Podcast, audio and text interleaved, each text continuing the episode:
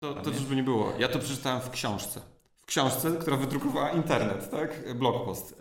Yy, to, był, to była książka Joela. No i teraz o co chodzi? Yy, najgorsze w tym wszystkim jest to, że ten post nie chce się zestarzeć. On jest nadal aktualny. Może tam jakieś rzeczy gdzieś tam, może innym językiem były, było powiedziane. Ale co, co w tym lubię, to że dla młodych ludzi to powinna być taka wskazówka, no bo o co, o co w tym teście chodzi? 12 pytań, które odpowiada się tak, nie. Yy, I w dużym skrócie, im więcej tak, tym lepsza firma. No bo jakbyśmy sobie powiedzieli, no to jak zostać tym programistą? Jeżeli wiemy, że w sumie studia mogą się przydać, nie muszą, yy, to co robić coś więcej? No to jak zostać programistą? Jak myślisz? Hmm.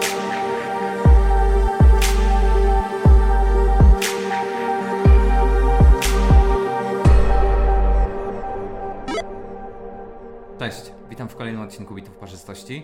E, dzisiaj porozmawiamy o mm, programistach, porozmawiamy o drodze programistów, o tym jak e, wyglądają e, studia programistyczne, co one dają, jak wygląda na przykład na początku drogi ścieżka programisty, rozwoju, potem kwestia tego, jak się odnajduje w pracy. Moim gościem jest Kamil Kupcewicz. Cześć. Cześć, cześć wszystkim. E, Kamil jest, e, no właśnie, związany jesteś z Riv Debug, e, firmą, która już od kilku lat pomaga zwiększać jakość kodu programistom. Jesteś związany z bydgoskim klastrem informatycznym. Jesteś związany też już od dłuższego czasu z UKW, więc jesteś generalnie związany z informatyką. Tak, jeszcze gdzieś tam z Politechniką, ale ogólnie chodzi o to, że tak w tym roku będę miał 20 lat takiej kariery legalnej na umowie, tak?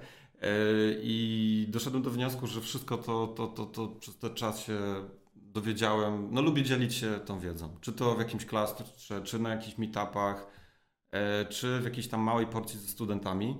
Tak więc jeżeli jest szansa, żeby mieć wpływ, że, że ci ludzie będą po prostu trochę bardziej przygotowani do tego, no to, to jest to, co warto robić. Mhm. No, y, to może tak y, przejdźmy po kolei. E, mhm. Kwestia w ogóle studiów, czyli kwestia nawet tego paradoksu w jakiś sposób, co w różnych zawodach jest pewnie wytykane, ale u nas myślę może bardziej nawet w jakiś sposób. No tak, czyli, czyli ta sytuacja, że z jednej strony ja, ja, ja mam też możliwość zobaczenia tego okiem młodych ludzi, no bo ten, ten moment, tych, tej, to co dzieje na Politechnice, co na uniwersytecie się dzieje, to daje mi jedną możliwość.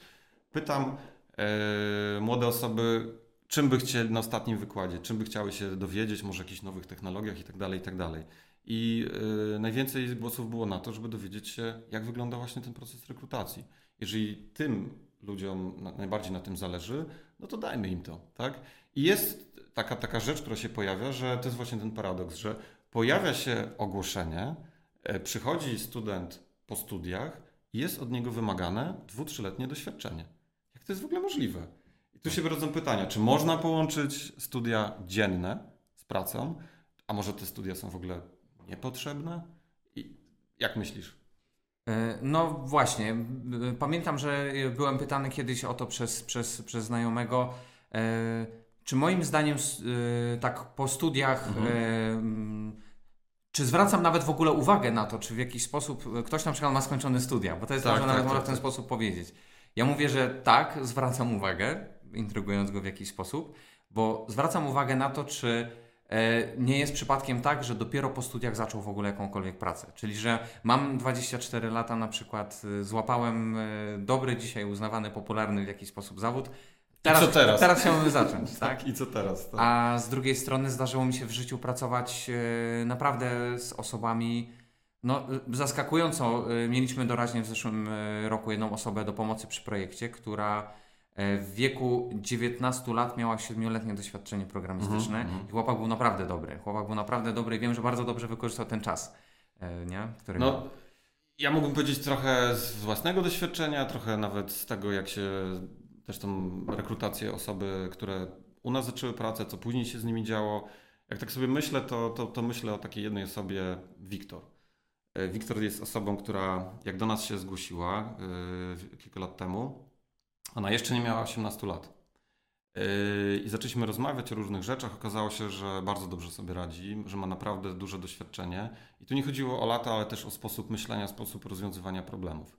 E, wydawało nam się, że będziemy mieli fajną osobę na początek, stażystę i tak dalej, ale ponieważ bardzo szybko sobie z niektórymi rzeczami radził, no to daliśmy mu problem, z którym nie mogliśmy sobie poradzić. No nikt się za to nie chciał zabrać, dużo czasu i tak dalej i w ogóle. No i on to dostał, a ponieważ nie wiedział, że to jest trudne i że to jest nie do zrobienia, to po prostu to zrobił. I tak to trochę jest, że studia z jednej strony no, nie przeszkadzają w znalezieniu pracy. Y, ja jestem chyba na tym stanowisku, że studia mogą się przydać y, do znalezienia dobrej pracy. Pewne, oczywiście zależy jakie studia, jak człowiek do tego podejdzie, ale to musi być połączone ze zbieraniem doświadczenia y, gdzieś po kolei. To jest trochę taki miks, bo ja zauważam jeden problem ewidentnie takiego samokształcenia się, tak mhm. jakby ktoś, nie wiem czy to jest właściwe określenie, jakby zamykał się w bańce na przykład w jakiś sposób, czyli sam wypracował pewne rozwiązania i mm jak to się mówi, to jest jego zdanie, z nim się zgadza. Pytanie, czy to jest właściwe w jakiś sposób. Więc dwie rzeczy, właśnie studia, które dają taki trochę background na przykład, mm ale nawet y, kwestia pracy zespołowej. Też będziemy mieli się o niej jeszcze mówić. W ogóle taka zewnętrzna perspektywa, nie? Poza swoją własną pracą. Tak, no ja, ja też tak mi się zdarzyło, że, że lubię się dzielić tym doświadczeniem, jeżeli ktoś z tego oczywiście chce skorzystać. I z jednej strony to są młodzi ludzie, ale z drugiej strony w ramach właśnie jakichś organizacji, klastrów i innych takich rzeczy. No biorę udział w takich radach programowych i w ramach klastra też mieliśmy okazję z Politechniką e, Bydgoską i z Uniwersytetem Kazimierza Wielkiego uruchomić jedną wspólną specjalizację. Cel był taki, żeby przekazać wiedzę od praktyków mhm. do studentów. I to jest naturalne, że jeżeli jesteś na uczelni, zajmujesz się pracą naukową, pracą dydaktyczną, to jest naprawdę trudne, y, żeby nadążyć ze wszystkimi no, nowościami, które się dzieją w branży IT. A przecież to jest kołowrotek i, i jak tutaj też odsiać trochę marketingu od tego, co jest naprawdę wartościowe.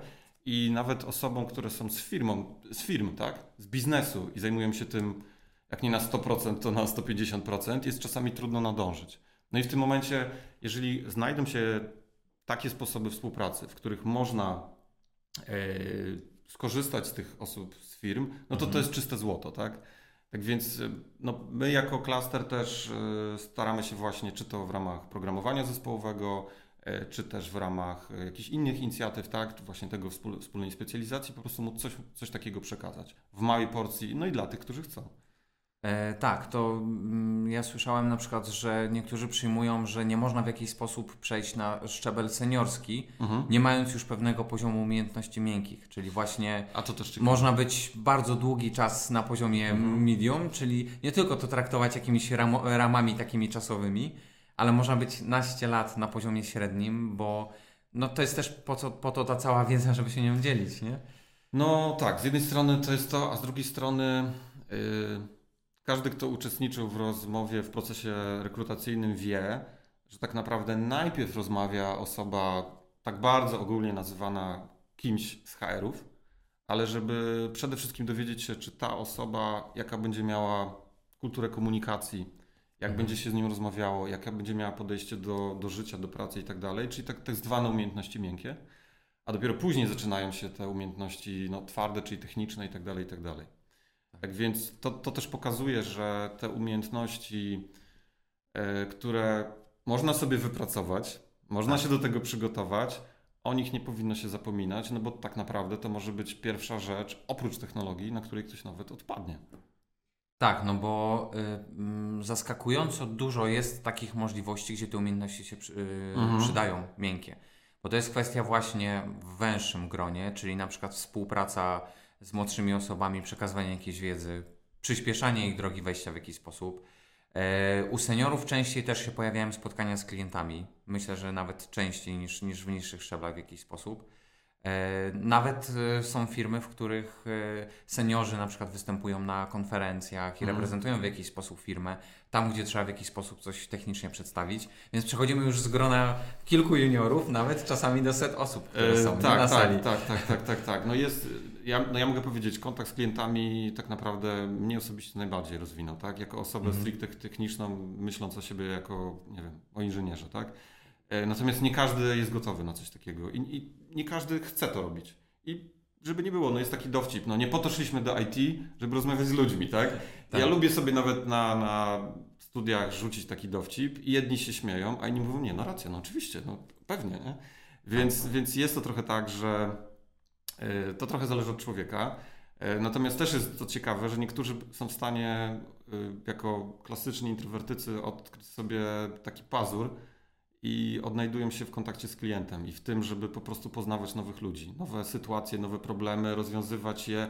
No bo w pewnym momencie można po iluś tam latach trochę wpaść w taką rutynę, mhm. a jednak każdy nowy projekt, każda nowa sytuacja nawet osoba po drugiej stronie, to jest taka trochę dawka pewnego kopa, który, który może też rozwijać, więc... Yy, ale w sumie rozmawiamy o rzeczach seniorskich, a powiedzieliśmy sobie, że Właśnie, będziemy... przeskoczyliśmy na koniec tej drogi. Tak, to jest trochę jakby bliższe nam, ale to też wskazuje, na co zwracać uwagę na początku. No bo jakbyśmy sobie powiedzieli, no to jak zostać tym programistą? Jeżeli wiemy, że w sumie studia mogą się przydać, nie muszą, Yy, to co robić coś więcej? No to jak zostać programistą? Jak myślisz?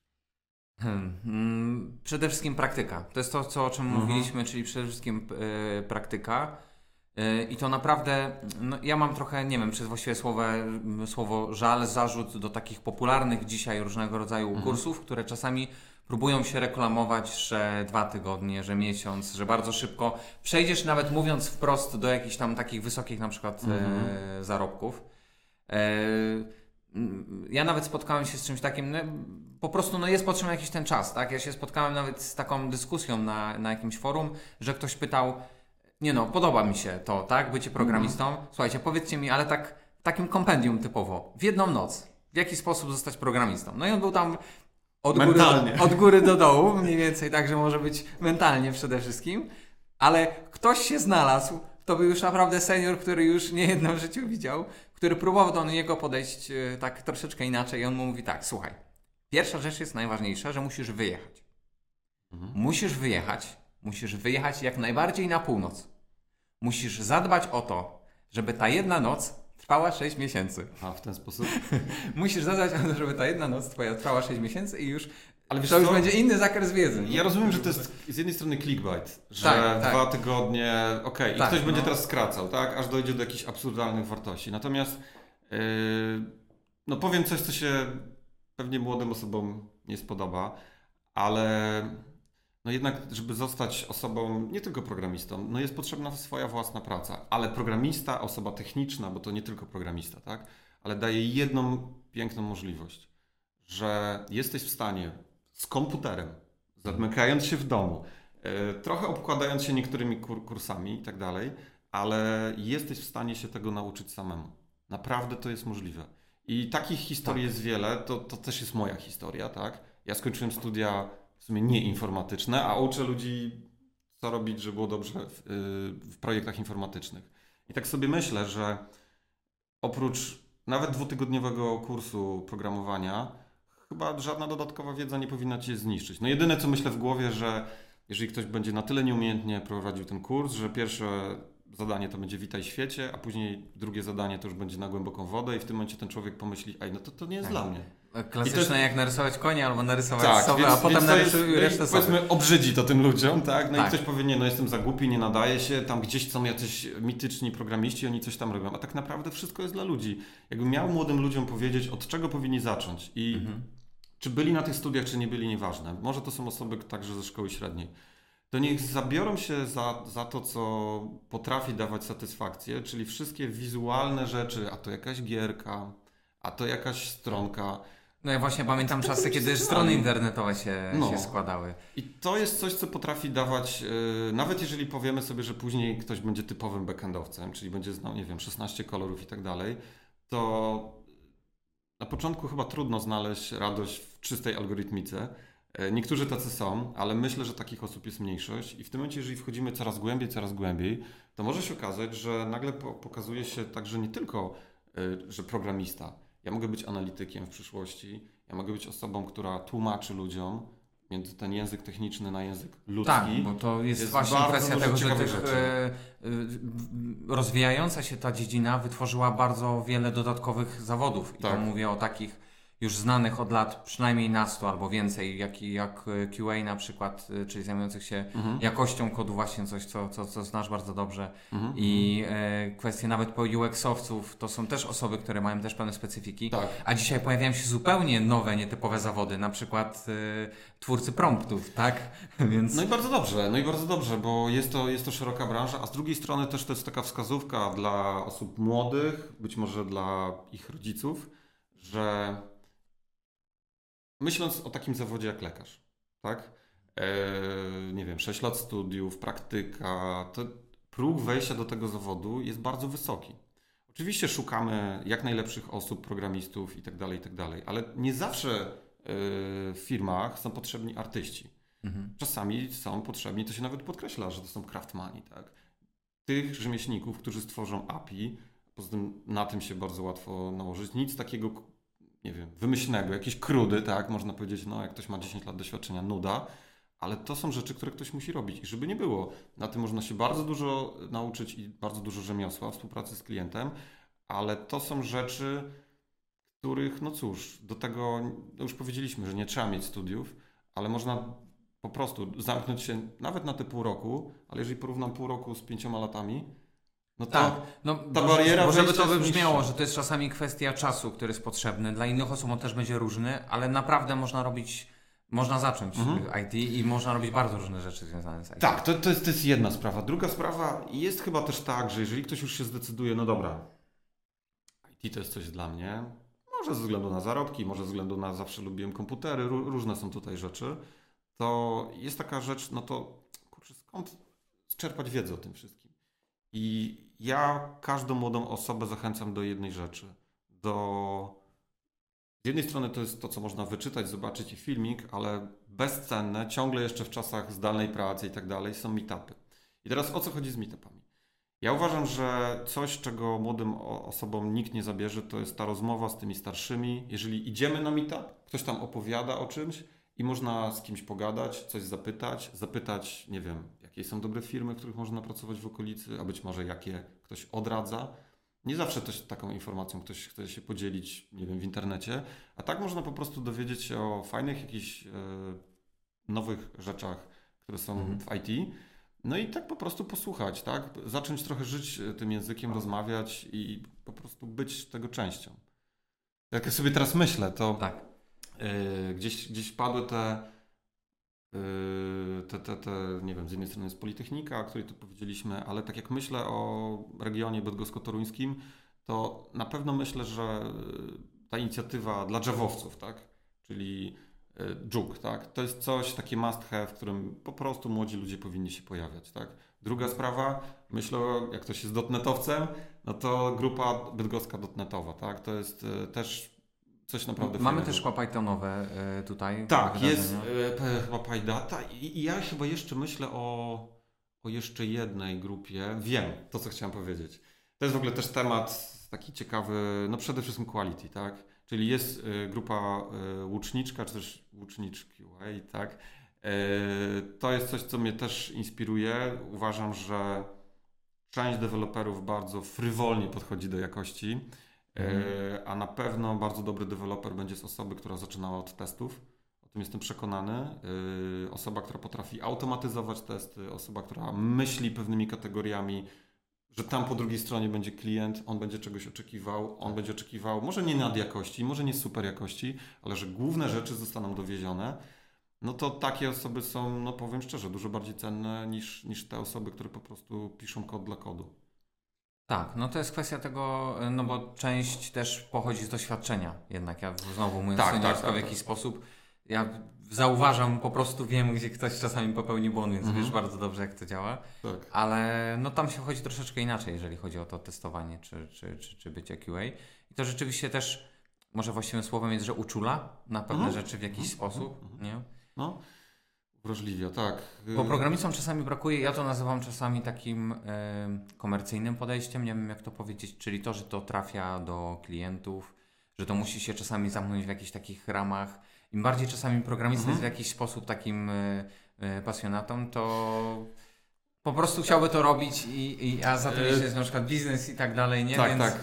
Fajnie się programuje, tylko, tylko ci klienci przeszkadzają. No, tak. E, ja wiem, to też e, formułuję jako, e, jako żart, ale ja takie coś usłyszałem kiedyś u bardzo dużego klienta od, od deweloperów. No i okej, okay, no ja uważam, że naszym takim ogólnym celem, tak, osób, które chcą się dzielić wiedzą, jest to, żeby po prostu chociażby na takich wydarzeniach, takich meetupach być tego częścią i tak trochę uwrażliwiać, tak. Mhm.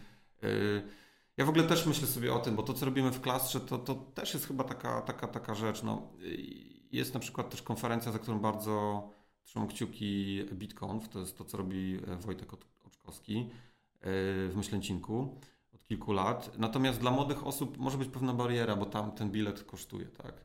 I teraz jeżeli komuś zależy na, na takim darmowym szerzeniu się wiedzą, no to są wszystkie meetupy, e, ale też myślę o tym, to co wspólnie robimy prawie firm, czyli chociażby Opera Camp. E, takie fajne, fajne roz, wydarzenie bardziej biznesowe, tak? Nie, nie tak mocno IT, ale no. znaczy nie tak technicznie IT w jakiś sposób. Tak, ale można poczuć ten nerw. A z drugiej strony tak. my się cieszymy, że prawie 200 osób, które było chyba z 500, to były osoby młode. E, ja się w ogóle bardzo cieszyłem, jak e, Adam, mój kolega, opowiadał o cyberbezpieczeństwie, ty prowadziłeś ten panel. No i teraz e, Adam pokazywał kod, e, opowiadał jak to tam AI zatruty i w ogóle jakie są z tego z tym związane e, niebezpieczeństwa. No i w tym momencie pokazał kod, który został wygenerowany przez IT i padło pytanie w salę, gdzie jest błąd i wśród tych młodych osób znalazły się osoby, które znalazły błąd. I to na mnie to zrobiło wrażenie, bo tak. to nie było banalne pytanie ja cieszę się, że takie osoby trafiają. No, to, to jest taka pierwsza rzecz, Opera Camp. A w sumie druga sprawa, wiem, że ostatnio opowiadaliście o yy, Beka i Hack. Beka i Hack, tak? Tak. Tutaj wiele... To już jest e, konkretnie typowo techniczne w jakiś sposób. Na tyle techniczne, że praktyczne. Tak. Tworzenie kodu przez 24 godziny. Tak, natomiast znów, to też ładnie się mostuje z tym, co młoda osoba może zrobić, żeby z jednej strony dać się zauważyć, a z drugiej strony, żeby, e, żeby się czegoś nauczyć od, też o sobie, bo to już jest jakaś presja, jak się kreuje pomysły, jak się... Jak się... Pracy zespołowe. Tak, tak, tak, tak, tak, tak. Ze znanym zespołem, swoją ekipą, a czasami z nieznanym zespołem, no, zupełnie poza Tak, tak. To też są czasami tak, takie potrzeby. Tak, z nieznanym zespołem. To mi się przypomina taka historia, e, nie wiem, jak mnie widzi, to pozdrawiam Cię Cornelio. E, to było kilka lat temu. Pojawiła się osoba na hackatonie. Z reguły przychodzą zespoły gotowe no i przyszła osoba sama, bo też tak może być, raczej to jest mniejszość, e, przebrana za kota, więc dała się ewidentnie zauważyć, dała się poznać. E, połączyła się z jednym zespołem, oni to już robią samodzielnie, kto, gdzie, jak i tak dalej. E, no i wzmocniła ten zespół. Zespół też był mocny, no i generalnie zespół wygrał. I to jest w ogóle też ciekawa sprawa, bo ona chyba napisała później posta, czy warto chodzić na hackatony. E, myślę, że ten post warto przypomnieć, gdzieś tam pojawi się w przebitce albo w komentarzu. E, to jest post w ogóle, który był związany z akcją e, Macieja. Macieja? Tak, Macieja Anisierowicza. Anisierowicza. I w każdym razie o co chodzi? Daj się pokazać, daj się poznać, coś mhm. takiego. I ona po prostu opisała swoje doświadczenia z naszym hackatonem, ale ogólnie to się przekłada na wszystkie inne hackatony, że warto. I ja ją później gdzieś poznałem w, w jakimś, widziałem w jakimś klubie czy gdzieś tam i zapytałem tak po prostu jak i jak. I okazało się, że po tych latach ona od tego postu e, ktoś ją zauważył w Nokii, później gdzieś poszła chyba do Google'a i gdzieś kolejne, czy gdzieś tam te firmy się pojawiały. No i w sumie to jest gotowa odpowiedź na to, jak to robić. Tak. To jest tak znowu część praktyki w jakiś Oczywiście. sposób, w innej formie, bo to tak, można albo tak. samodzielnie coś zacząć tworzyć, albo tak, na tak. przykład wyjść po prostu i z zespołem coś, coś, coś tworzyć. No tak, bo tutaj zawsze wszyscy mówią, że tutaj nie chodzi o wygraną, chodzi o zabawę. Tak, jasne, chodzi o zabawę, chodzi też o doświadczenie. I jeżeli mówimy sobie o tym, jak się poznać, jak się zobaczyć, to po prostu tamci ludzie, którzy są na tym hackatonie, to nie są jakieś wojsko zaciężne, które po prostu przyszło rozwalić tak. system i e, wygrać nagrodę. To są takie osoby, ale są też osoby bardzo młode, bardzo takie uczące się. E, my na poprzednim hackatonie mieliśmy osoby, taką kategorię junior, no i tam przychodziły osoby, z, które musiały mieć pozwolenie rodziców, czyli poniżej 18 roku życia, żeby brać tak. udział w takim maratonie. Ja w ogóle mam super sentyment do tego, no bo organizowaliśmy to hieny chyba 8 lat temu. Z jednej strony na UKW zaczynaliśmy, teraz są Młyny Rotera, bardzo fajne miejsce, Wyspa Młyńska, tak, więc zapraszamy też, tak, bo będziemy to Tak, zdecydowanie zapraszamy. E, więc e, tak, nie wiem, czy my też gdzieś o tym mówiliśmy publicznie, że w ogóle okazało się koniec końców, że ta drużyna, znaczy te drużyny mhm. juniorskie mhm. nie odbiegały aż tak mocno od seniorskich. E, tak, tak, jak tak to prawda, to prawda. No. ja, ja w ogóle się cieszę, że, że po prostu młodzi ludzie nie pękają, że chcą się rozwijać. Trzymam kciuki za jakąkolwiek tam interakcję, wymianę wiedzy. Niech po prostu, niech próbują sobie, niech się dowiadują, jak to robić na różne sposoby. Tak. E, no to może powiedzmy właśnie o tym e, takiej pracy właśnie jeszcze, nie? Czyli już będziemy też powoli przechodzili do, do tych kwestii związanych z zatrudnieniem na przykład. No tak, no bo w sumie opowiedzieliśmy sobie o tym, jak się dać zauważyć, tak? A teraz jest taki temat, który, który ja staram się przekazać też młodym ludziom, żeby jednak odpowiedzieli sobie na pytanie w tej branży IT, no po pierwsze, czy chcą coś robić, jak chcą robić, żeby trochę tego spróbowali. E, natomiast to jest zawsze pytanie, to co dla Ciebie jest ciekawe, tak? Mhm. E, no i tutaj można polecieć klasykiem, że musisz najpierw sobie odpowiedzieć, co Ci się najbardziej podoba w życiu i później to zacząć, to i zacząć to robić. Tak. Natomiast ja pamiętam swoje pierwsze też lata, jak zaczynałem i po prostu czasami jest za dużo ciekawych rzeczy. Człowiek ma głowę pełną z jednej strony jakichś artykułów, jakiegoś trochę marketingu. Jeżeli nie ma kogoś w rodzinie, e, znajomego przyjaciela, nie wiem, i tak dalej, i tak dalej, mhm. E, to, to naprawdę trudno do tej wiedzy dojść. Więc z jednej strony są, to są te meetupy, ale to, co bym polecał, to ja wiem, że są programy stażowe, tak? I my też, e, pewnie wy też macie w firmie, różne firmy mają. Natomiast ja przede wszystkim bym polecał, żeby zamiast szukać stażu, po prostu szukać zlecenia, tak zwanej fuszki, albo tak, będąc na przykład na studiach dziennych, po prostu w niepełnym... Freelancersko, zupełnie działać tak, w jakiś sposób nazwijmy tak. to freelancersko. Mieć... Bo to nawet łączyć sobie czas, bo to daje mhm. nawet pewną elastyczność takiego, mając właśnie studia, nawet tak. dzienne, po prostu robić coś dodatkowo, ale robić coś, tak, coś, coś tak, więcej. Tak, tak, tak. I to, to jest, wydaje się, że to jest ten złoty środek, bo yy, ja uważam, że generalnie studia jako studia, no to jest moje jedno z ulubionych pytań na rozmowę kwalifikacyjną, tak? Ale to też chodzi o to, żeby ludzie byli w stanie docenić to, co coś studia im dały, czyli co dały ci studia. I są różne odpowiedzi, ludzie różnie na to odpowiadają, ale jak już byli na tych studiach, to niech nauczą się dostrzegać dobre rzeczy. I tam pewne rzeczy faktycznie mogą pomóc, ale trzeba znaleźć ten balans. Tym bardziej, że jeżeli firmy, no bo teraz jest praca zdalna w IT, tak? I można tak naprawdę no, zmienić link w Teamsach, nie wiem, uczelniany na link w firmie i gdzieś tam wspomagać w tych paru godzinach dziennie, a być może jeden dzień dziennie, po prostu w firmach jakiejś IT. To, to nie musi być programowanie. Mam świadomość, że trudno yy, zatrudnić kogoś na jeden dzień w tygodniu do programowania. Ale na przykład pomysł na to, mając świadomość, że ok, chcę być, nie wiem, programistą, chcę być analitykiem, chcę robić gry, ale wchodzę do organizacji, wchodzę do firmy, na przykład jako tester, nawet mhm. manualny dowiaduję się rzeczy, które być może powinienem się dowiedzieć na studiach, ale po mnie spłynęły. Czyli na przykład kto to jest, nie wiem, CTO. Mhm. Czy to, tak. czy, jak on mnie pyta, to dobrze czy źle, czy on coś chce dowiedzieć, co to jest system RP, CRM i dużo różnych dziwnych y, sformułowań, które przez lata człowiek nabiera tak przez skórę i nawet później nie zdaje sobie z tego sprawy i być częścią tego procesu, zobaczyć jak to wygląda, poznać firmę od zewnątrz i wtedy zacząć podejmować lepsze decyzje. Yy ale ja mogę powiedzieć z punktu widzenia firmy, bo na przykład my jako zespół dziesięcioosobowy, u nas y, mhm. są dwie osoby, które są w początkowej drodze studiów, mhm. które są w zmiennym trybie od 1 do 3 dni w tygodniu. Mhm. No. E, czasami na miejscu, czasami zdalnie. I to funkcjonuje bardzo dobrze, nie? bo mają i tak cały czas kontakt z zespołem.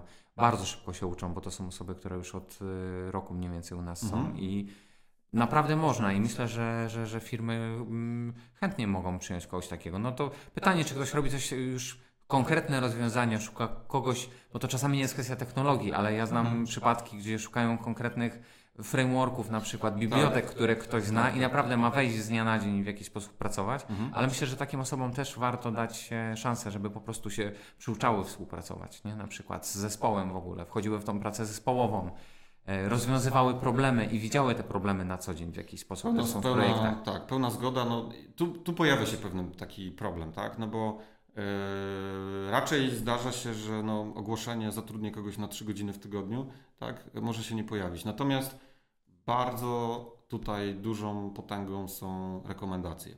Mhm. Yy, ja pamiętam, że tak naprawdę osoby, które zatrudnialiśmy młode, które chcieliśmy do czegoś yy, przyuczyć, bo, bo to, co robiliśmy, było no, absolutnie nowe, inne i tak dalej, więc musieliśmy tą wiedzę przekazać od dużych seniorów do, do bardzo młodych osób. No to jednym ze sposobów było właśnie wejście do testów, do automatyzacji testów, ale to były osoby, które jednak bardzo często były rekomendowane. No i teraz nagle się okazuje, że jaka to jest rekomendacja. No trochę to jest to, co innego robisz, czego się dowiadywałeś, kim jesteś osobą na tych studiach, bo to nie chodzi o to, jakie masz oceny na studiach, tak? Pytasz kogoś w ogóle o indeks, o oceny? Jaki jest po studiach? Wiesz, że ja musiałbym nawet poważnie się zastanowić tak w 100%, no. jak u nas zespół na przykład... Yy na, nawet do końca, jak tam wyglądało u nich ze studiami. No właśnie. No bo to kwestia przede wszystkim tam, umiejętności. No właśnie, gdzieś tam w kuchni może wyjdzie, czy ktoś miał studia, czy nie, albo wyjdzie, że ojejku, no to może byliśmy na podobnych uczelniach, ale tak naprawdę na roz, rozmowa kwalifikacyjna wygląda tak, że pytamy po prostu, no z jednej strony o wiedzę, a z drugiej strony pytamy też o sposób dochodzenia do tej wiedzy, tak?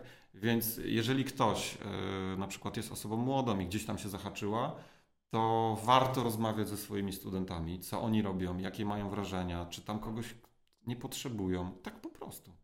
I, mhm. i może się okazać, że potrzebują. I yy, tak, nie wiem, dwa tygodnie temu do nas trafiła właśnie jedna osoba z informatyki, też po rekomendacji no, Igora, osoby, którą też miałem okazję poznać bodajże dwa lata wcześniej. Tak więc tak to może po prostu działać. Mhm. E, no właśnie, bo. Yy, kwestia y, tych rozmów re, rekrutacyjnych, y, bo to mi też przypomniało kwestię związaną z y, sprawdzaniem na przykład w ogóle kodu i sprawdzaniem rzeczy, mhm. które są na rozmowie. Y, to może też krótko powiedzmy o tym w jakiś sposób, bo też mi się wydaje, że się trochę zmieniło do tego, przynajmniej moje podejście, mhm. o może przez 15 lat się trochę zmieniło w tym obszarze. Moje troszeczkę też się zmieniło, bo jednak było tak, że my na proces rekrutacji y, tutaj kolegą bardzo, to była duża inwestycja czasowa taka, żeby sprawdzić, upewnić się. Natomiast z drugiej strony to powiedziałbym tak, y, jeżeli robisz rekrutację z więcej niż tam, nie wiem, jest chyba takie powiedzenie, sześcioma osobami, y, czyli które przychodzą na, już na rozmowę, czy tam widzimy się przez kamerę, to, to znaczy, że coś jest nie tak z Twoim procesem rekrutacji. Tych mhm. rozmów powinno być y, nie za dużo, więc jeżeli uda Wam się już trafić na tą rozmowę, to jest bardzo dob- to jest dobry znak. To znaczy, że powiedzmy w dobrej firmie, no chyba, że tam jest szukane, nie wiem, wielu osób, ale jeżeli jest jedno stanowisko i zostaliście zaproszeni na rozmowę, to jest dobry znak. Więc to jest też dla Was dobry znak, y, znaczy yy, ważna informacja, żebyście się na to odpowiednio po prostu przygotowali. I pewnie jeszcze o tym będziemy rozmawiali, jak się do tego przygotować. Natomiast yy, odpowiadając na to, co Ty powiedziałeś, uważam, że yy, przede wszystkim na rozmowie nie, nie tyle chodzi o napisanie kodu. Wiem, że ludzie się tego obawiają, młodzi ludzie. Myślą, że będą musieli zaraz napisać, nie wiem, gotowce i tak dalej. I powiem tak, no. My, jako osoby z doświadczeniem, mhm. wiemy, że osoby, które tego doświadczenia jeszcze nie mają za dużo, yy, no po prostu nie wszystko wiedzą, tak? Ale to, co nas no. najbardziej interesuje, to jak te osoby myślą. Jak te osoby rozwiązują problemy. Tak, dokładnie. I yy, my, jak mieliśmy, ja uważam, że jednak jeszcze jestem na tym stanowisku, że na rozmowie kwalifikacyjnej powinien być moment, gdy pisze się kod, mhm. ale może być pisany pseudokodem w dowolnym języku, a może nawet ktoś napisać y, algorytm blokowy, tak? Albo po prostu opowie o tym, jakby ten program miał działać. I ja jestem z tym ok. Y, natomiast wiem, że tutaj są różne podejścia, niektórzy dają zadania i tak dalej, i tak dalej. Natomiast uważam, że jeżeli idziesz do firmy, w której nie sprawdza, programistą nie był sprawdzany kod, to może się okazać, że ci wszyscy twoi koledzy to są ludzie, którzy, no cóż, oni na pewno dobrze piszą ten kod? Mhm. Może tak. nie wiem. E, znaczy, ja o dwóch rzeczach chciałbym powiedzieć. No. Ja y, pamiętam, że na, na początkowej drodze, teraz już raczej nie robimy przy mhm. rekrutacjach bezpośredniego sprawdzania kodu. To też mhm. zależy od osoby w jakiś sposób. Zaraz powiem dlaczego. To, o czym mówisz, no bo właśnie tak jak o nas czasami się y, myśli o tym, że nasza praca głównie polega na pisaniu kodu E, a my w zasadzie, jeżeli miałbym powiedzieć, to najwięcej czasu zajmuje często rozwiązywanie problemów po tak, prostu w tak, jakiś tak, sposób, tak, szukanie tak, jakiejś drogi. E, Ja miałem na to jakiś swój sposób, nie mam takiego punktu odniesienia, jak to mogły robić inne firmy.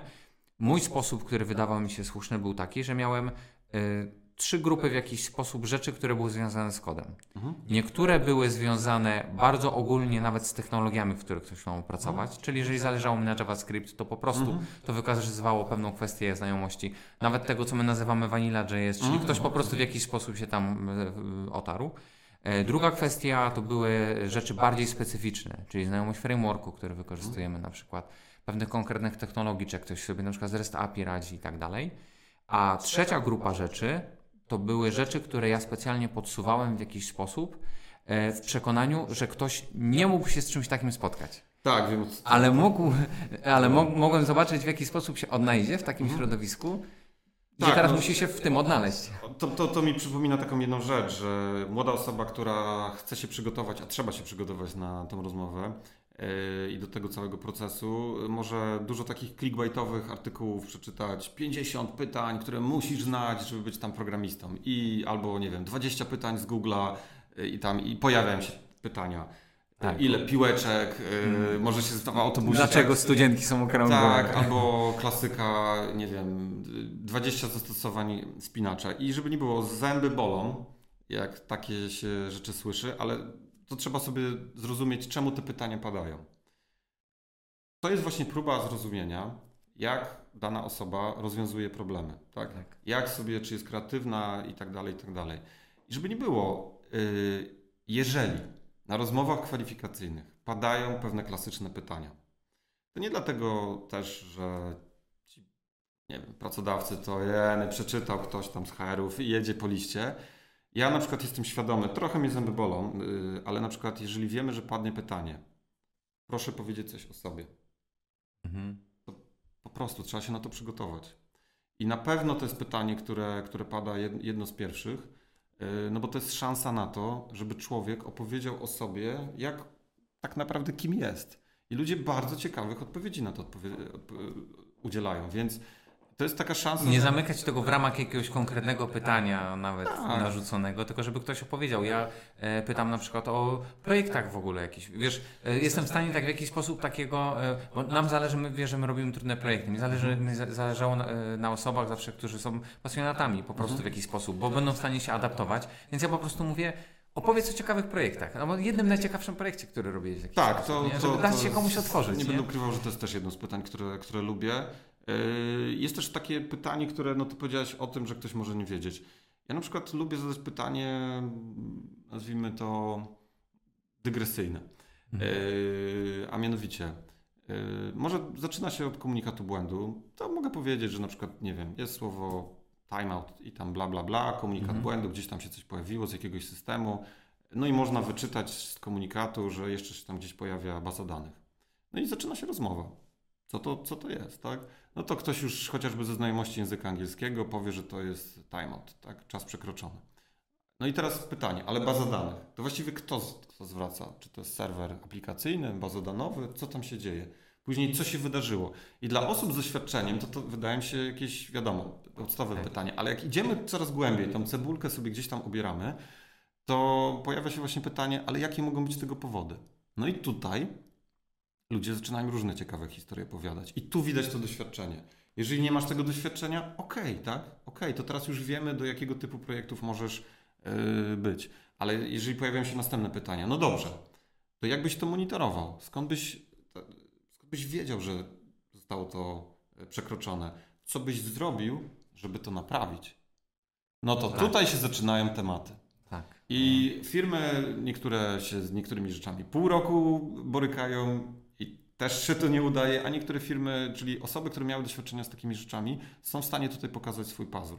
Lubię takie pytania, bo to jest też taka rozmowa, yy, a nie odpytywanie, napisz kod i tam, no dobra, Tak, dobrze. może to nie było Nie, jednostronne, nie? Tak, Tylko- tak. Więc znaczy, y, rozumiem ryzyko, że jeżeli ktoś, kto nie rozumie kodu, dostanie pytanie do zadania i ktoś to zrobi w inny sposób, to ta osoba przepadnie. No ale w takim razie mogę powiedzieć, że no, drodzy młodzi ludzie, no, to nie jest firma, w której powinniście pracować, tak?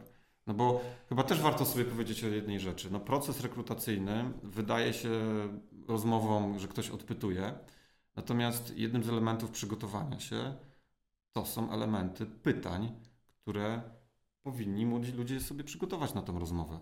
I tutaj ja staram się yy, no, młodym osobom, z, którym, z którymi współpracuję, gdzieś tam przekazuję tą wiedzę chociażby na, na uczelni, yy, odwołuję się do czegoś, co jest stare jak węgiel.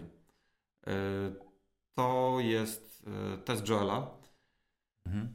Tak. Stary jak węgiel w ogóle w informatyce, może ktoś myśli, że to jest 5 lat, że to jest 10 lat, a blog post, który Joel Spolski napisał prawie 25 lat temu. Tak.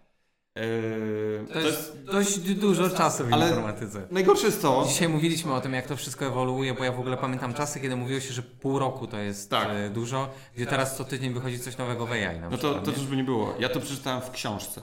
W książce, która wydrukowała internet, tak? Blog post.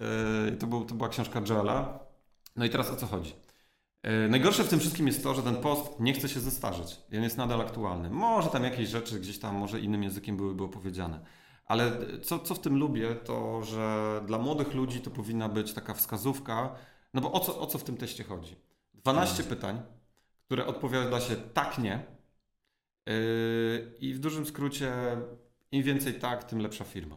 Tam nawet ta granica jest dość mocno przesunięta, bo chyba 12 to idealnie, 11 to tak. ok, ale 10 to już trzeba się zastanawiać. Tak, a tutaj dla osób, które pewnie to podamy tak. E, w komentarzu, ale chyba to, no cóż, no zaspoileruję, no, a okazuje się, że praktyka jest taka, że idziemy 5-6 tak. tak, tak taki, taki w tym jest żart, no, natomiast myślę, że warto to sobie przeczytać i poszerzyć horyzonty, jeżeli ktoś tego jeszcze nie widział, no bo e, sam Joel to jest osoba, która sporo czasu pracowała w Microsoftie, jest odpowiedzialna za produkt, z którego myślę, że Microsoft może być dumny, czyli Excel. To im, to im, to im wyszło, tak? E, pomijając różne, różne rozmowy i tak dalej na temat Excela. E, później zajął się taką firmą, która Trello, tak? To też jest, myślę, tak, że jego, jego startup. E, znana. No i dla młodych ludzi, nawet mogą, mogą nie wiedzieć, ale on stoi także dla, za Stack Overflow, tak? Tak więc tak. to no Stack Overflow to jest niemalże dla niektórych osób wykładnia gotowców. Yy, więc jeżeli ktoś potrafi z tego korzystać, to to jest osoba, która też za tym stała i ma bardzo, w ogóle polecam tą osobę. Taka, taka osoba, jeżeli ktoś 25 lat temu coś przewidział, to, to, to, to to znaczy, że był prorokiem Mało IT, jest tak? w informatyce takich praw, które tak. prawo Mura już się chyba zdeaktualizowało, to ale prawda. to niewiele jest takich właśnie rzeczy, które tyle, tyle trwają. Eee... Znaczy myślę, że, że może warto powiedzieć o kilku rzeczach, no bo Które strony... tam się pojawiają, tak? Tak, tak, bo dla młodych właśnie. osób to są... Pada bardzo często na rozmowie kwalifikacyjnej taki, taki moment, yy, czy masz jakieś pytania do nas? I to jest w ogóle ten moment czasami zostawiony na, nie wiem, 5 minut. Ta młoda osoba może taka trochę onieśmielona mhm. i tak dalej, no może, może mieć pustkę w tym momencie w głowie jakie pytania, tak? Ok, zapytał o stawkę, może to było podane fajnie, ale są pewne rzeczy, które odróżniają właśnie firmę dobrą od złej, albo taką, w której możesz się rozwijać. No bo dla młodej osoby, też tak myślę, można pracować w różnych firmach, ale wydaje przynajmniej mi się, że jeżeli komuś ma taki konstrukt, że lubi się rozwijać, lubi, mhm. chce się dowiadywać, y, no i w ogóle ta informatyka jest dla niego pasją, to powinien szukać firm, które są stosunkowo, albo zespołów, które są stosunkowo małe. Wtedy można zakładać i elastyczne, można zakładać różne czapki, można wielu rzeczy się dowiadywać i można po prostu spróbować się w różnych rolach. Y, być może to startup, być może to y, mniejsza firma, ale oczywiście poukładana. Czasami idąc y, do, nie wiem, jakiegoś systemu ERPA i tak dalej, można być wtłoczonym trochę w pewną taki jakiś boksik, tak? Tak. Bo to może się na pierwszy rzut oka wydawać, że w zasadzie jeżeli jest mały zespół, to prawie, że jest to kompletny zespół interdyscyplinarny, mhm. czyli robią praktycznie cały czas to samo, tak? Ale na przykład ja widzę bardzo dobrze u nas właśnie, gdzie przy 10 osobach, to jest mhm. mały zespół, to e, jest część, która zajmuje się bardziej PHP i pracuje nad innymi Mhm, zupełnie mhm. rzeczami. Tak. Mamy, mm, nie chcę nazywać tego działem, bo naprawdę, jeżeli tam są trzy osoby, ale jest, jest, jest grupa tak, która się specjalizuje bardziej w Node i Mhm. robimy rzeczy, które robimy w Node w JavaScriptie, nie? Więc... No trochę, to, to, to jest znów, trochę trzeba sobie odpowiedzieć, na, na czym Ci najbardziej zależy w pracy, tak? Czy, czy takim na początku rozwoju, czy nie. I absolutnie nie chcę powiedzieć, że w dużej firmy, w banku i tak dalej nie możesz się rozwijać. Można, tylko to jest właśnie ten moment, w którym powinniście zadać te pytania. I jak sobie o tym myślę, to yy, nawet sobie tutaj coś wynotowałem. Tak, możemy krótko w ogóle powiedzieć może No, o tych, które rzeczy, tak, które są. Bo niektóre z tych pytań, czy masz system kontroli wersji, czy nie? Ciężko mi wyobrazić sobie firmę, która pracuje bez systemu kontroli wersji w tych czasach, ale z drugiej strony to jest pytanie znów dygresyjne. Z jakim systemem kontroli wersji pracujecie? Jak myślisz o kontroli wersji, systemie, no to pojawia się takie no, podstawowe fundamenty, czyli jakiś continuous integration, tak? Czy, czy, czy macie Tak. jakieś delivery i tak dalej? I niech ten ktoś Wiesz, z jakimi rzeczami jeszcze się spotkałem, jeżeli No. chodzi o, o kod, to na przykład też. Ja dzisiaj sobie też tego nie wyobrażam. I ja nawet w ogóle sugeruję, Mhm. jak rozmawiam z ludźmi, nawet do samodzielnej pracy, żeby mieć historię, żeby po prostu wersjonować Yy, kod. a, mówisz, no tak, no, no Tak, o repozytoriach. Ale też kwestia, jak szczegółowo się wchodzi w pewne rzeczy, nie? No bo czasami na przykład też się podchodzi po, po macoszemu w jakiś sposób do tych repozytoriów, a ja też pracowałem z zespołami, gdzie na przykład był czas na to, żeby e, rebase na przykład robić, porządkować nawet repozytoria kodu, więc i na to też się musi czasami znaleźć No czas. to, o, zobacz, to mi Więc właśnie są różne szczeble, Właśnie, nie? bo, Tego. i, i, i za- nagle nad jednym pytaniem, y, ja rozumiem, że osoby z doświadczeniem mogą o tym rozmawiać, gadać, gadać, ale, ale jedno z pytań, które myślę, że powinno paść, to jest na przykład, czy macie, nie wiem, pull requesty, czy macie review kodu, y, jak będzie wyglądała praca z tym, co napiszę. Jak w ogóle wygląda podejście do No. jakości kodu, tak? E, Dedykowany tester, no to też chyba jako osobne pytanie pojawia. Tak, to też się pojawia. E, cross-testy, które robią programiści z punktu widzenia tego, że własnych błędów się nie widzi i tak, tak, dalej. tak, nie? tak, no bo z jednej strony jest tak, to, to, to nie jest też tak, ja y, patrzę na ten test Jela też z pewnym przymrużeniem, bo są pewne projekty, na których robi się, chodzi o szybki development, chodzi o szyb, Mhm. dostarczenie szybkiego MVP, no, na hackatonie nie ma miejsca na, na wszystkie te elementy, chodzi o zrobienie prototypu i nie zawsze o to chodzi, ale to nie jest tak, że na, zawsze można lecieć na drzwiach od stodoły, tak? Więc Tak. jeżeli dos- dostarczamy jakiś system, który zaczyna być już ważny dla klienta, y, dochodzą tutaj jakieś kwestie pieniędzy, y, które być może nawet jakiś kar, jakiegoś SLA i tak dalej, Mhm. no to to są te rzeczy, które warto zadać te pytania, ale z drugiej strony, jeżeli dostaniemy odpowiedź y, nie, że tego nie robimy, no to ja bym zapytał dlaczego, bo być może jest jakieś uzasadnienie biznesowe. Na przykład projekt już jest w takiej technologii, nie wiem, tralalala i tak dalej, że jest niewspierany, albo robimy różne inne rzeczy, no bo z jednej strony jest gdzieś taki Olimp, do którego chcemy dążyć, ale nie zawsze y, za wszelką cenę. Tu nie chodzi o to, żeby zawsze dawać nadjakość albo super jakość. Czasami enough jest... Tak. To bardzo mocno zależy od specyfiki, a my przy nietypowych projektach ja wiem jak to działa, bo to jeżeli na Mhm. przykład mówiąc typowo o kodzie, e, wiesz bardzo dobrze, że my od 10 lat na przykład na imprezy masowe tworzymy, więc my to stworzyliśmy na środowisku testowym, ale tam często pomijało się w jakiś sposób, albo skracało tą drogę, Ale bo była potrzeba robienia tu i teraz, to jest nie? Ciekawa zmian, rzecz, więc- to jest ciekawa rzecz, bo zobacz, my tutaj rozmawiamy o młodych osobach, jak hackatony Tak. i wszystkie meetupy mogą w tym pomóc, a wy jako doświadczone osoby, dlaczego ich chodzicie na meetupy? To jest kwestia zawsze właśnie rozszerzenia w jakiś sposób e, poglądu, tak? Nie Mhm. można też się zamknąć mimo wszystko nawet, że ja programuję Mhm. prawie 25 Mhm. lat, już w zasadzie nie wiem do końca to... e, Kiedyś znalazłem informację, że 3 lata był internet powszechny w Polsce, jak ja zaczynałem Mhm. programować strony internetowe.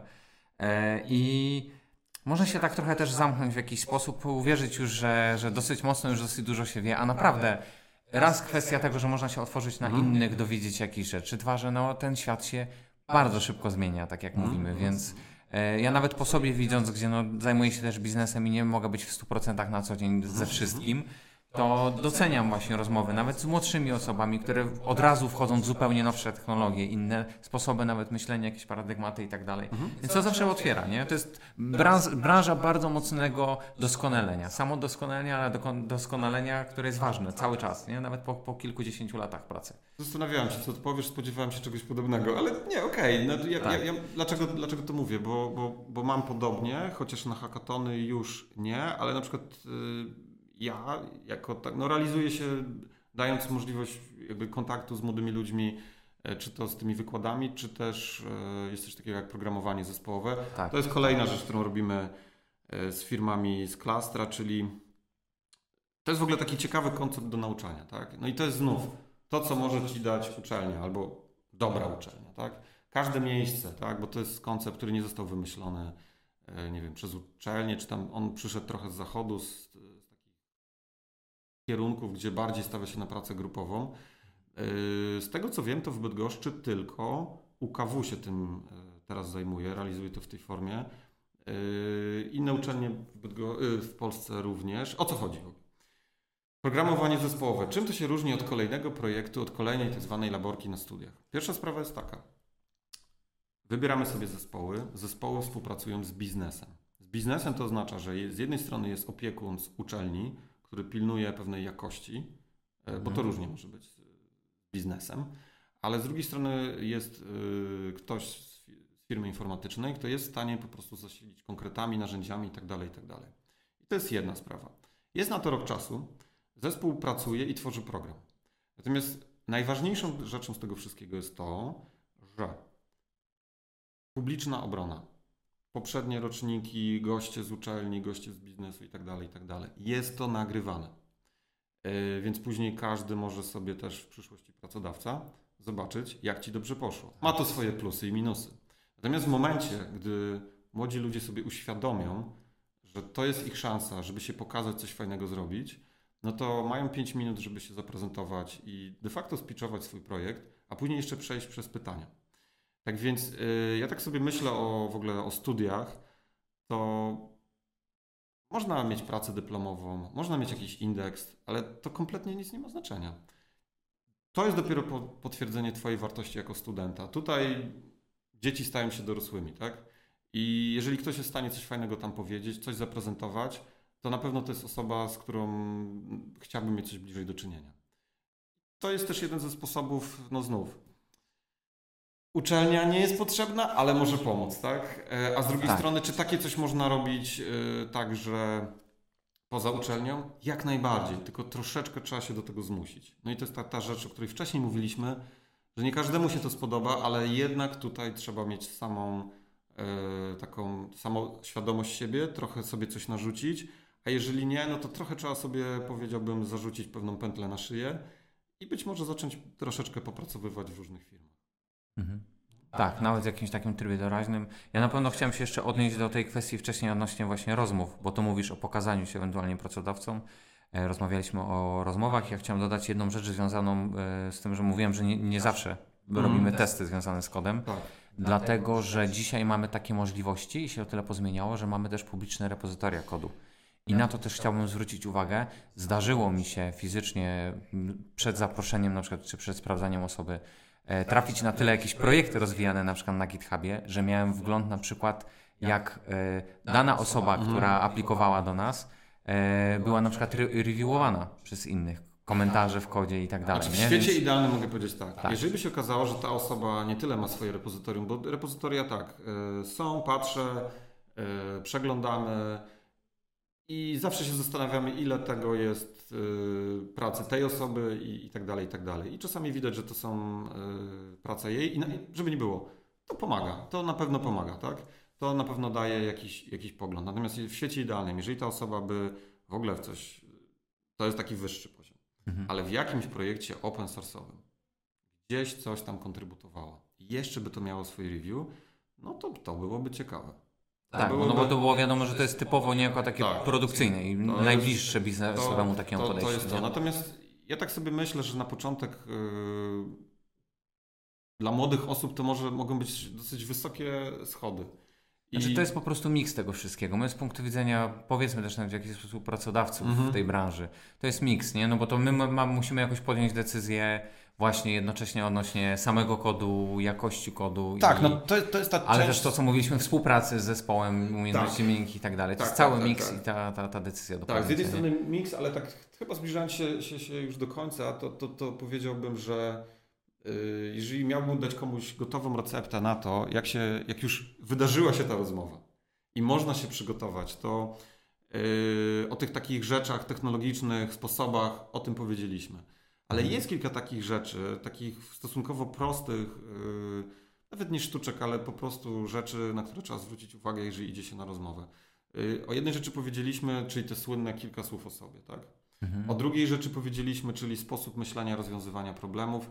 No tego człowiek się uczy, ale jeżeli pada oklepane pytanie, to, to żeby było wiadomo, skąd ono wynika i to nie oznacza, że was ktoś chce zagiąć, ale po prostu chce zobaczyć, jak na przykład szacujecie, jak robicie obliczenia tych mitycznych piłeczek w autobusie, tak? Tak. Yy, ping-pongowych. Natomiast są takie rzeczy, które yy, myślę, że ludziom młodym trochę zabierają punktów, kompletnie bezsensownie. Na przykład może paść takie pytanie, czym się zajmujemy, tak? Ktoś przychodzi do, do firmy, nie wiem, Riff the Bug, Mhm. no i teraz pewnym wskaźnikiem tego, czy orientuje się w branży, jest na przykład, no nie wiem, monitoring, padają case'owe observability itd., itd. I po prostu zapoznać się ze stroną, zobaczyć, co tam jest pisane, zobaczyć, jaka jest komunikacja i żeby nie było, ocenić, czy wam to pasuje. Tak? Tak. No bo słuchajcie, no młode osoby, no to, że ktoś ci zaoferował pracę, to nie oznacza, że, że ją bierzesz, tak? To, to, to jest tak, że można to na początek sobie trochę popróbować. Natomiast przede wszystkim to musi być po jednej i po drugiej stronie dopasowanie. Dokładnie, no. Tak więc, y, wiesz, wiesz, jeszcze mi przychodzi y, takie pytanie, na którym można byłoby, myślę, że młodzi ludzie powinni zadawać te pytania, oprócz tych technicznych, trochę jak będzie wyglądała na przykład współpraca z moim no, bezpośrednim przełożonym. Kto to Mhm. będzie? Być może ta osoba właśnie siedzi naprzeciwko, tak? Ale niech ona już wejdzie w te buty tej, tej relacji, która będzie na co dzień. Niech dowiedzmy się, jak, jak to może wyglądać. I na pewno to są rzeczy, o które bym pytał. Ja uważam, że też młodzi ludzie nie powinni się bać przyjść o, z kartką z pytaniami. Tak? Mhm. Nam to Nawet pomaga tak, trochę dzisiaj e, przejść mniej więcej e, w tym kierunku, o którym rozmawialiśmy, ale ja mam świadomość, że pierwsza rozmowa kwalifikacyjna może być dużym stresem. E, Szczególnie jeżeli dochodzą jakieś kwestie finansowe, dorosłość i tak Ale dalej. No jeszcze sprawdzanie kodu się na przykład pojawi, czy czasem jest- są krzyżowe rzeczywiście z Tak. dwiema, trzema osobami, to tak, więc wszystkie te rzeczy, które wcześniej powie- powiedzieliśmy, one mogą pomóc, bo to może być relacja, to może być ktoś, kto powie, hej, porozmawiaj z tym, on może być y, ważny i tak dalej, albo to jest trochę zmapowanie, pomożenie sobie, ale będzie ten moment, kiedy raczej jesteś sam na sam i w tym momencie, jeżeli chcesz o pewne rzeczy zapytać, po prostu weź kartkę Mhm. i wyciągnij sobie pytania, które chciałbyś zadać i, i po prostu je zadaj, tak?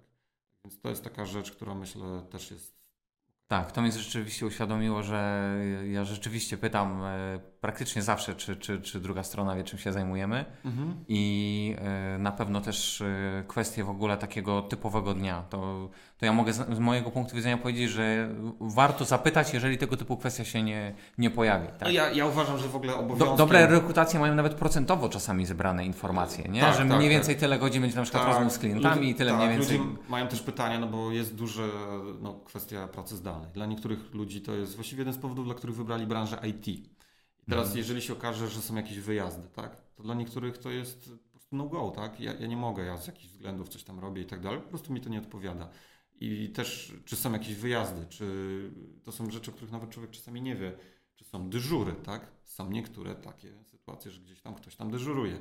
Tak. Yy, więc warto sobie na, na zimno, na spokojnie te rzeczy spisać. To jest element przygotowania się do rozmowy. Yy, jeżeli po drugiej stronie ktoś, kto chce z, Wami porozmawiać, zobaczy, że przyjdzie osoba przygotowana, zawsze Wam to pomoże. To Tak. jest zawsze na plus. Tak, z wiedzą na temat firmy, z e, pytaniami przygotowanymi. Tak. A jeżeli wyjdzie, że z tych pytań coś Wam nie pasuje, no to szukajcie dalej. No, tak to jest prostu. tak jak mówisz, to jest kwestia obustronna. Mhm. To nie jest tak tylko, że po prostu jesteśmy zatrudniani, tylko to, to musi być współpraca, no bo to często na lata, nie? Tak, jeszcze jedna rzecz przychodzi mi do głowy. Yy, Jak ludzie piszą w CV-kach, czasami bardzo kreatywnie na temat języka, to bądźcie po prostu gotowi, że nikt nie będzie pytał Was o język, tylko po prostu nastąpi przełączenie na przykład w trakcie rozmowy na język. No i zobaczymy. No po prostu nie bójcie się tego języka używać. Miejcie świadomość, że osoby, które pracują z zagranicy, one też e, nie zawsze to jest ich pierwszy język. Są takie nacje, które jest to język urzędowy, a i tak trudno te osoby zrozumieć, tak? E, Jeżeli chodzi o angielski. E, Po drugie, e, tak sobie jeszcze myślę, że nie, w sumie to chyba najważniejsza rzecz. Mhm. Czyli tak myślę, że możemy podsumowywać Mhm. w takim razie. Pojawiły się dzisiaj kwestie związane bezpośrednio, znaczy może tak zaczynając od początku drogi patrząc. E, warto próbować e, nawet na różnych szczeblach e, związać się z IT. Tak. Jest to możliwe. To nie zawsze musi być e, konkretne, nawet jakieś takie poczucie, że, że mamy wiedzę techniczną i wejdziemy od razu w, nie wiem, jakieś cięższe stanowisko backendowe na przykład, Tak. czy DevOpsowe. Myślę, że warto Jest też dużo powiedzieć, stanowisk obok IT Tak. takich, nie? warto też powiedzieć, że warto, że generalnie, no okej, no my poszliśmy w IT, bo to jest nasza pasja, ale czasami są ludzie, którzy po prostu nie wiedzą, co wybrać i moim zdaniem IT się tak dynamicznie rozwija, że jest tyle różnych obszarów, w których można nie programować, a robić dużo ciekawych rzeczy, że po prostu warto tego spróbować. Tak. E, budować praktykę, czyli programować samemu, próbować programować z zespołem, próbować brać w, udział w tego typu inicjatywach właśnie jak e, Mhm. na przykład BKI Hack, czyli, czyli hackatony, Tak. e, żeby już móc przyjść z doświadczeniem w jakiś sposób. Tak, y, przede wszystkim też przyjść Do pracy. przygotowanym, a element przygotowania to jest to, co robicie przed rozmową, czyli y, co to jest za firma, czym się zajmuje, jaki rodzaj biznesu oni prowadzą. Tak, czym będę się zajmował w ciągu dnia, Tak. jakieś pewne niedogodności dopytać. Tu Tak. bardzo dobrze właśnie powiedziałeś o pewnych dyżurach, wyjazdach, możliwości pracy hybrydowej. Tak, i, i później po prostu, no cóż, yy, nie zawsze musi się okazać, że pierwsza rozmowa to będzie ta, której się udało, tak? Z różnych względów. Dać sobie pole do, z jednej strony do sukcesu, ale także do porażki, do porażki, która jest yy, no, elementem nauki i jeżeli się okaże, że to, to nie ta firma i tak dalej, to po prostu iść dalej. Tak. Myślę, że w tych czasach dużo łatwiej znaleźć pracę w IT niż w niektórych zawodach kilka lat wcześniej, więc jest to po prostu szansa, którą, no cóż, młodzi ludzie, no mogę powiedzieć, trzymam kciuki za wszystkie wasze rekrutacje i za to, żeby po prostu wam to dobrze szło. To tyle. Dobrze, super. No to dziękuję bardzo za rozmowę. Dzięki Super też, do zobaczenia, spotkać. do usłyszenia. Dziękujemy bardzo i na razie.